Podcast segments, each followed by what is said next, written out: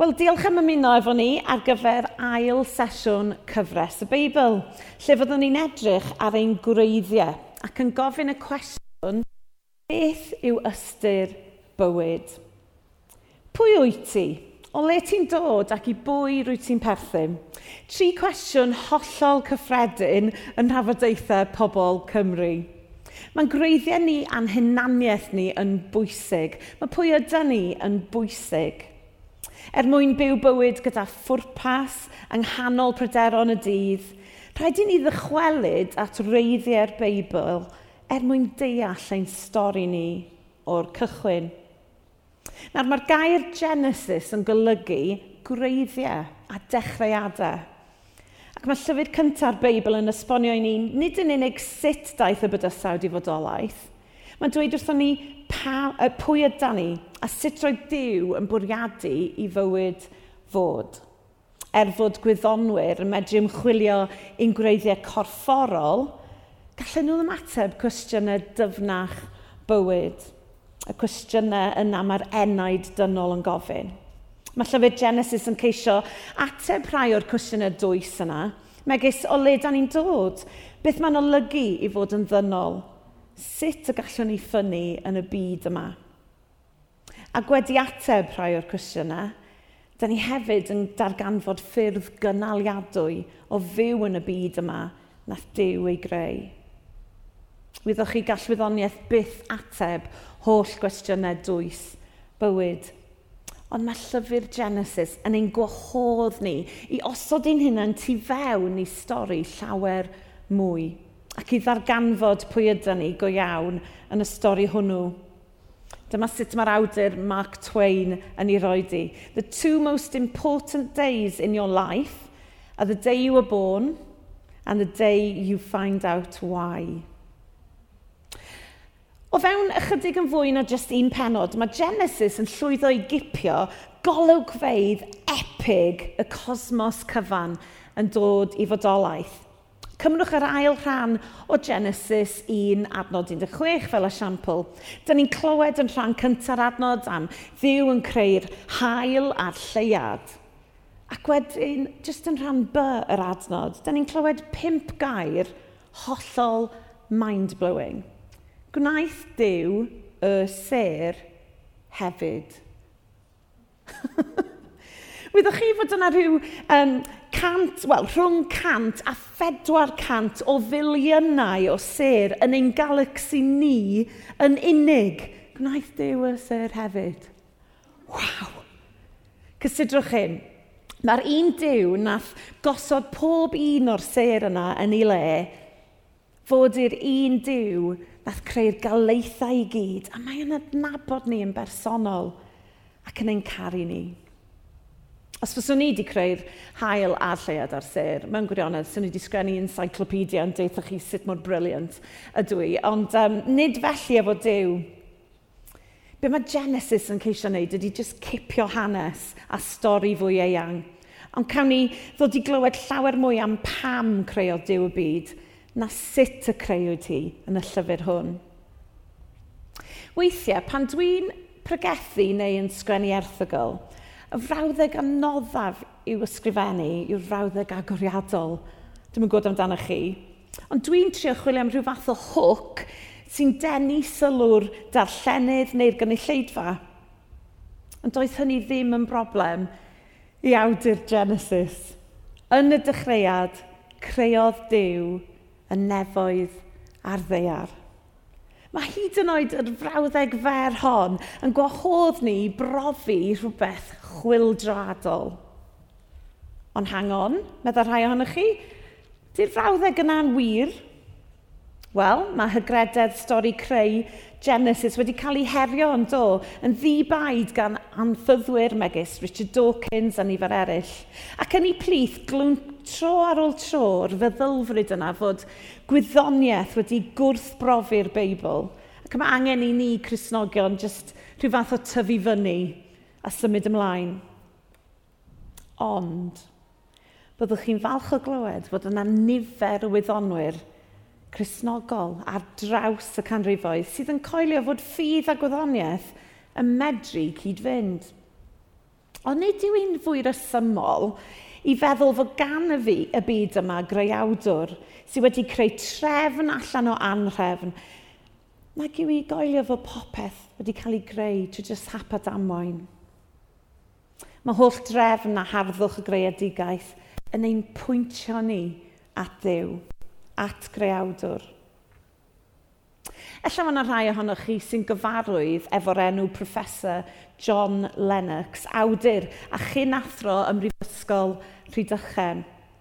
Er mwyn ceisio gwahaniaethu rhwng cwestiynau sy'n gofyn pam a chwestiynau sy'n gofyn sut, mae John Lennox yn defnyddio'r darlun o'i fodryb yn pobi cacen iddo.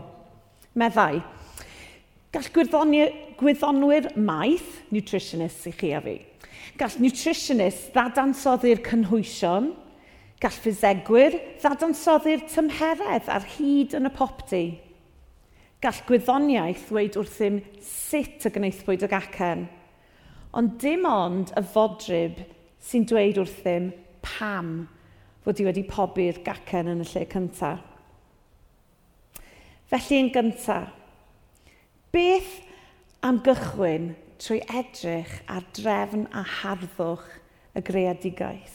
Dyma chi adnodau 1 i 3 o Genesis 1. Yn y dechreuad, y creodd Dyw y nefodd a'r ddeiar, a'r ddeiar oedd ar luniaidd a gwag, a thywyllwch oedd ar wyneb y dyfnder, ac ysbryd Dyw yn ymsymud ar wyneb y dyfroedd. A Dyw a ddywedodd, bydded goleini, a goleini a fi. Wrth i ddiw ddweud y gair. Dyma pethau'n cael ei greu. Dyma diw yn siarad am mater a phethau yn cydnabod ac yn ymateb i lais ei meistr a'i creawdwr. Trwy gydol y Beibl, welwch chi nad oes yna unrhyw beth yn y bydysawd materol sydd tu hwnt i reolaeth Dyw. Dyw sy'n creu trefn allan o anhrefn. Yn gyntaf, yn Genesis, mae Dyw'n creu ffurf y ddeiar trwy wahanu goleini a thywyllwch yn ar môr a'r awyr. Gwedyn mae'n gwahanu'r môr a'r ddeiar sych ac yn creu planhigion. Ond erbyn i ni gyrraedd dyddiau 4, 5 a 6 o'r greadigaeth, mae Dyw yn canolbwyntio ar lenwi'r ddeiar trwy greu dydd a nos – adar a ffysgod, ac yn olaf anifeiliaid a bodau dynol, cyn gorffwys ar y seithfed dydd.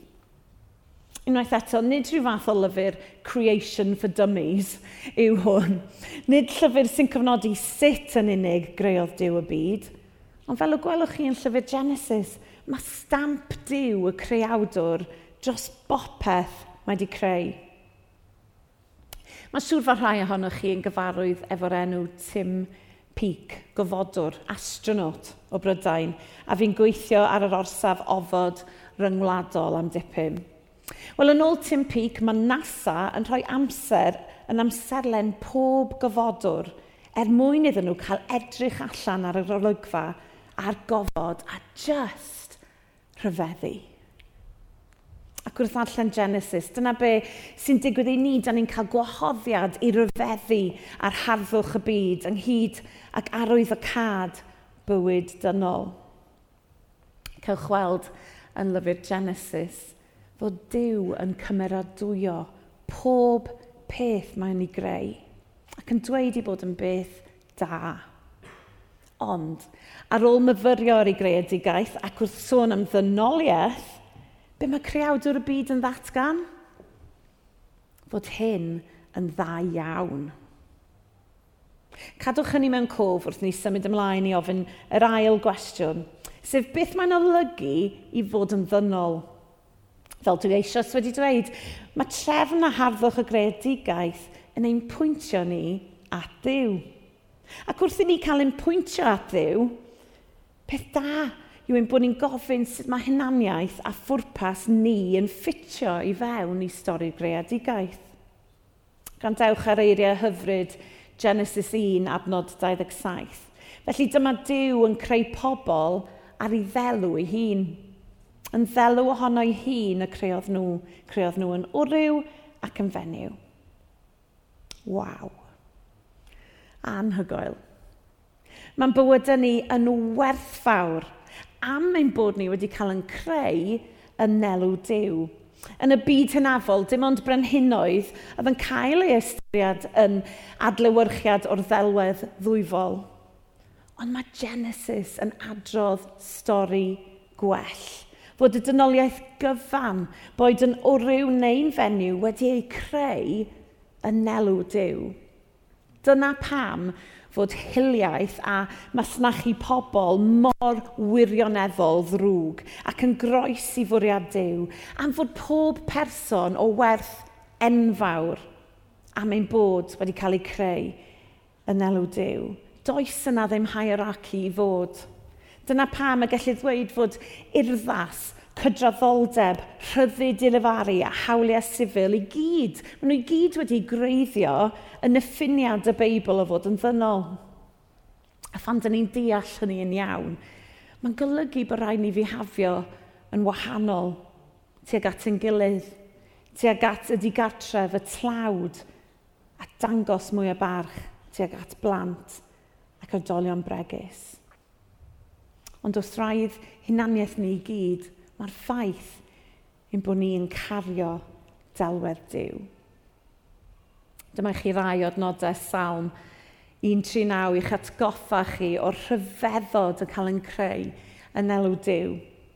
Ti greodd fy meddwl am teimladau, am plethu yng nghroth fy mam. Dwi'n dyfolu di am fod dy waith di mor sofdanol a rhyfeddol. Mae'r cwbl rwy ti wneud – yn anhygoel. Ti'n nabod fi i'r dim. Wel, beth am fynd adre heddiw ac adrodd y geiriau yna i fewn i'r drych? Tybed a fyddai hynny yn newid y ffordd da ni'n gweld yn hunain. Da ni bod adynol yn llawer pwysicach na just rhyw gasgliad o foleciwlau neu llinyn o DNA. Fe'n ffurfiwyd gan ddiw sy'n encaru Mae llyfr y pregethwyr, Ecclesiastes, penod 3, adnod 11, yn dweud, mae Dyw'n gwneud i bopeth ddigwydd yn berffaith ar yr amser iawn. Mae hefyd wedi gwneud pobl yn ymwybodol tragwyddol. Felly os wyt ti yn chwilio am fwy o ystyr i fywyd na beth wyt ti'n gweld ar hyn o bryd, wel dyna pam Dyna pam mae Dyw wedi creu ti fod yn ymwybodol o bethau tragwyddol ac mae dy enaid yn ysu am gael gwybod mwy.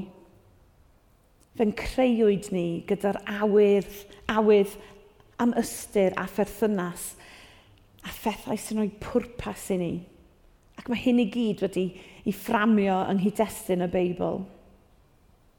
Ond yn drydydd ac yn olaf, Da ni'n ymwybodol fod yna rhywbeth o'i le, ynda? Mae yna rhywbeth o'i le efo'r byd yma. Yn anffodus, da ni ddim yn byw mewn byd perffaith, llawn o gariad a thangnefedd a ffwrpas ag ystyr. Ond clod i ddiw, mae llyfr Genesis hyd yn oed yn gwneud synwyr o hyn. Soniau sy'n yn gynharach fod Dyw wedi edrych ar ei greadigaeth ac ar ddynoliaeth gan ddatgan fod hyn yn dda iawn. Clywch Genesis 2, 15-17, dyma'r arglwydd ddiw yn cymryd y dyn a'i osod yn yr ardd yn Eden, i'w thrin hi a gofalu amdani. A dyma fe'n rhoi gorchymyn i'r dyn, cei fwyta ffrwyth unrhyw goeden yn yr ardd, ond paid, paid bwyta ffrwyth y goeden sy'n rhoi gwybodaeth am bopeth da a drwg. Pan wneud i hynny, fyddi'n siŵr o farw. Pan creodd Dyw dynol rhyw, fe'n creodd gyda'r capacity i garu a'r capacity i gwneud penderfyniadau. Er mwyn i gariad fodoli, rhaid fod rhyddid yn bodoli. Hynny yw ewyllus rydd. Pryn iawn yw'r rhai sy'n caru eraill allan o'r fodaeth. Mae'n dewis yn dydy. Mae'r ffaith fod Dyw yn gwahardd y dyn rhag fwyta o'r goeden sy'n rhoi gwybodaeth am bopeth da drwg, yn golygu fod ganddo benderfyniad pinau di mynd i i feddhau a'i peidio.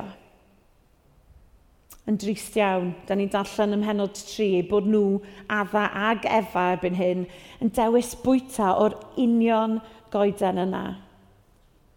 Dyma adda ac efa yn dewis bod yn annibynnol o ddew a defnyddio ei wyllus rhydd mewn ffordd dinistriol.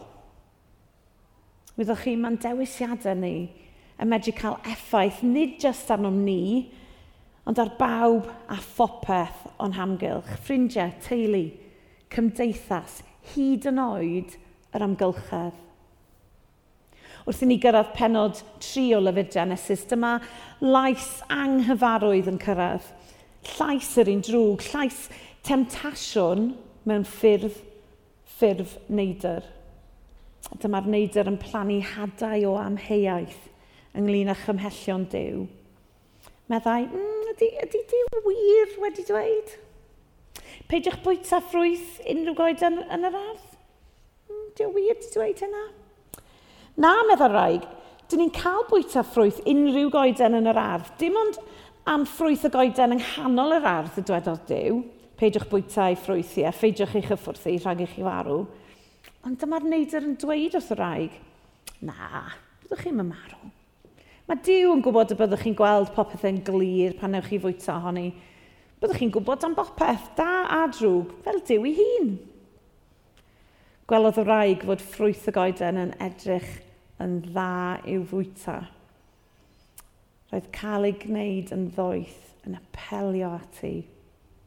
Felly dyma hi'n cymryd peth o'r ffrwyth a'i bwyta. Yna, rhoddodd beth yw gŵr oedd gyda hi, a dyma fe'n bwyta hefyd. Yn sydyn, roedd yn yn gweld popeth yn glir. Da ni'n cyfeirio at yr hanes yma fel y cwimp Oherwydd dyma lle mae ein cyflwrdynol ni yn plymio i'r lefel isa posib. Ac o ganlyniad yw anifuddod nhw. Dyma Adda Efa yn mynd i guddio am eu bod nhw am y tro cyntaf oll yn ofn Dyw. Nid jyst eu perthynas nhw efo Dyw oedd wedi torri ond eu perthynas efo'i gilydd. Yn sydyn iawn, roedden nhw'n ymwybodol nad o gynnyn nhw ddillad ac roedden nhw'n teimlo cwilydd. Bellach, roedd eu rheolaeth nhw dros y byd wedi troi'n ddinistriol. Cyn y cwmp, roedd gwaith yn rhywbeth oedd i fod i'w fwynhau. Gwaith bod edynol oedd ymestyn harddwch eden leded y byd. Ond ers y cwmp, mae adnoddau naturiol y byd wedi cael ei exploitio yn do. Mae'n moroedd ni yn llawn o bagiau plastig a ffoteli a mae'r byd mewn argyfwng. Yn lle mynd ar ôl perthynas efo Dyw, mae, mae bod edynol wedi ceisio bod yn annibynnol ohono. A dy, dy hynny ddim yn dda ni chwaith. Nid dyma sut oedd pethau i fod. Mae Eden yn teimlo yn atgof pell a dweud y gwir. Pan da ni'n gwylio'r newyddion y dyddiau yma ac yn gweld y sefyllfaoedd mae'r byd yn ddi. Ond law yn llaw gyda'r tristwch, mae yna obaith hefyd. Mae'n siŵr oeddech chi'n gobeithio sy'n ni rhoi rhywbeth fwy gobeithiol i chi fyfyrio ar. Pe bawn ni'n ysgrifennu papur newydd, ta beth pa benawd fyswn ni'n defnyddio ar gyfer penodau cyntaf Genesis? Wedi'r cyfan nath Dyw creu'r byd yn berffaith do, ni bod o'i dynol sydd wedi llygru ei fyd. Mae llyfr Genesis yn glir yn bod ni yn werthfawr i ddiw. Fe'n creuwyd yn ei ddelwedd, ond da ni hefyd yn byw mewn byd toredig sydd yn dioddau effeithiau, nid yn unig yn pechod ni, ond pechodau pobl eraill. Mae'r drwg sydd yn y byd yn brifo gymaint, oherwydd nid dyma sut oedd ei fod. Sbiwch chi yn ôl ar benodau 1 a 2, a mae hynny yn glir iawn ond mae stamp yr arglwydd dal ar ein bywydau. Mae gan pob un ohonom ddyheuad am dragwyddoldeb, ond mae hyn wedi cael ei sbwylio do gan y cwmp. Felly, dyn ni wedi edrych ar harddwch y greadigaeth, ychydig ar beth oedd hi'n olygu i fod yn ddynol ac yn sydyn iawn ar y cwmp a sut daeth pethau drwg i fewn i'r byd. A dyna diwedd y stori, neu oes yna unrhyw obaith? o waredigaeth? Wel oes. Diolch beth. Os ydrychwch chi ar Genesis 3, lle da ni'n darllen hanes y cwmp, mae'r arglwydd yn dweud wrth y neidr, byddi di a'r wraig yn elynion, byddi dy had di a'i had i bob amser yn elynion, bydd e'n sathru dy bendi a byddi di'n taro, taro ei sawdl e. Mi fydd yna rhywun yn cael ei ennu'r byd, trwy ddynes fydd yn dinistrio pwer yr un drwg ynghyd â phob effaith pechod a marwolaeth ar ein byd ni. Ac wrth gwrs, mi ddaeth yn hyn yn wir yn do, cafodd Iesu enni i ddynes morwyn yn ei harddegau o'r enw Mair. Had byddai'n sathru pen yr un drwg am byth. Gwaredwr, fyddai'n adfer pob dim yn ôl i'w hunan.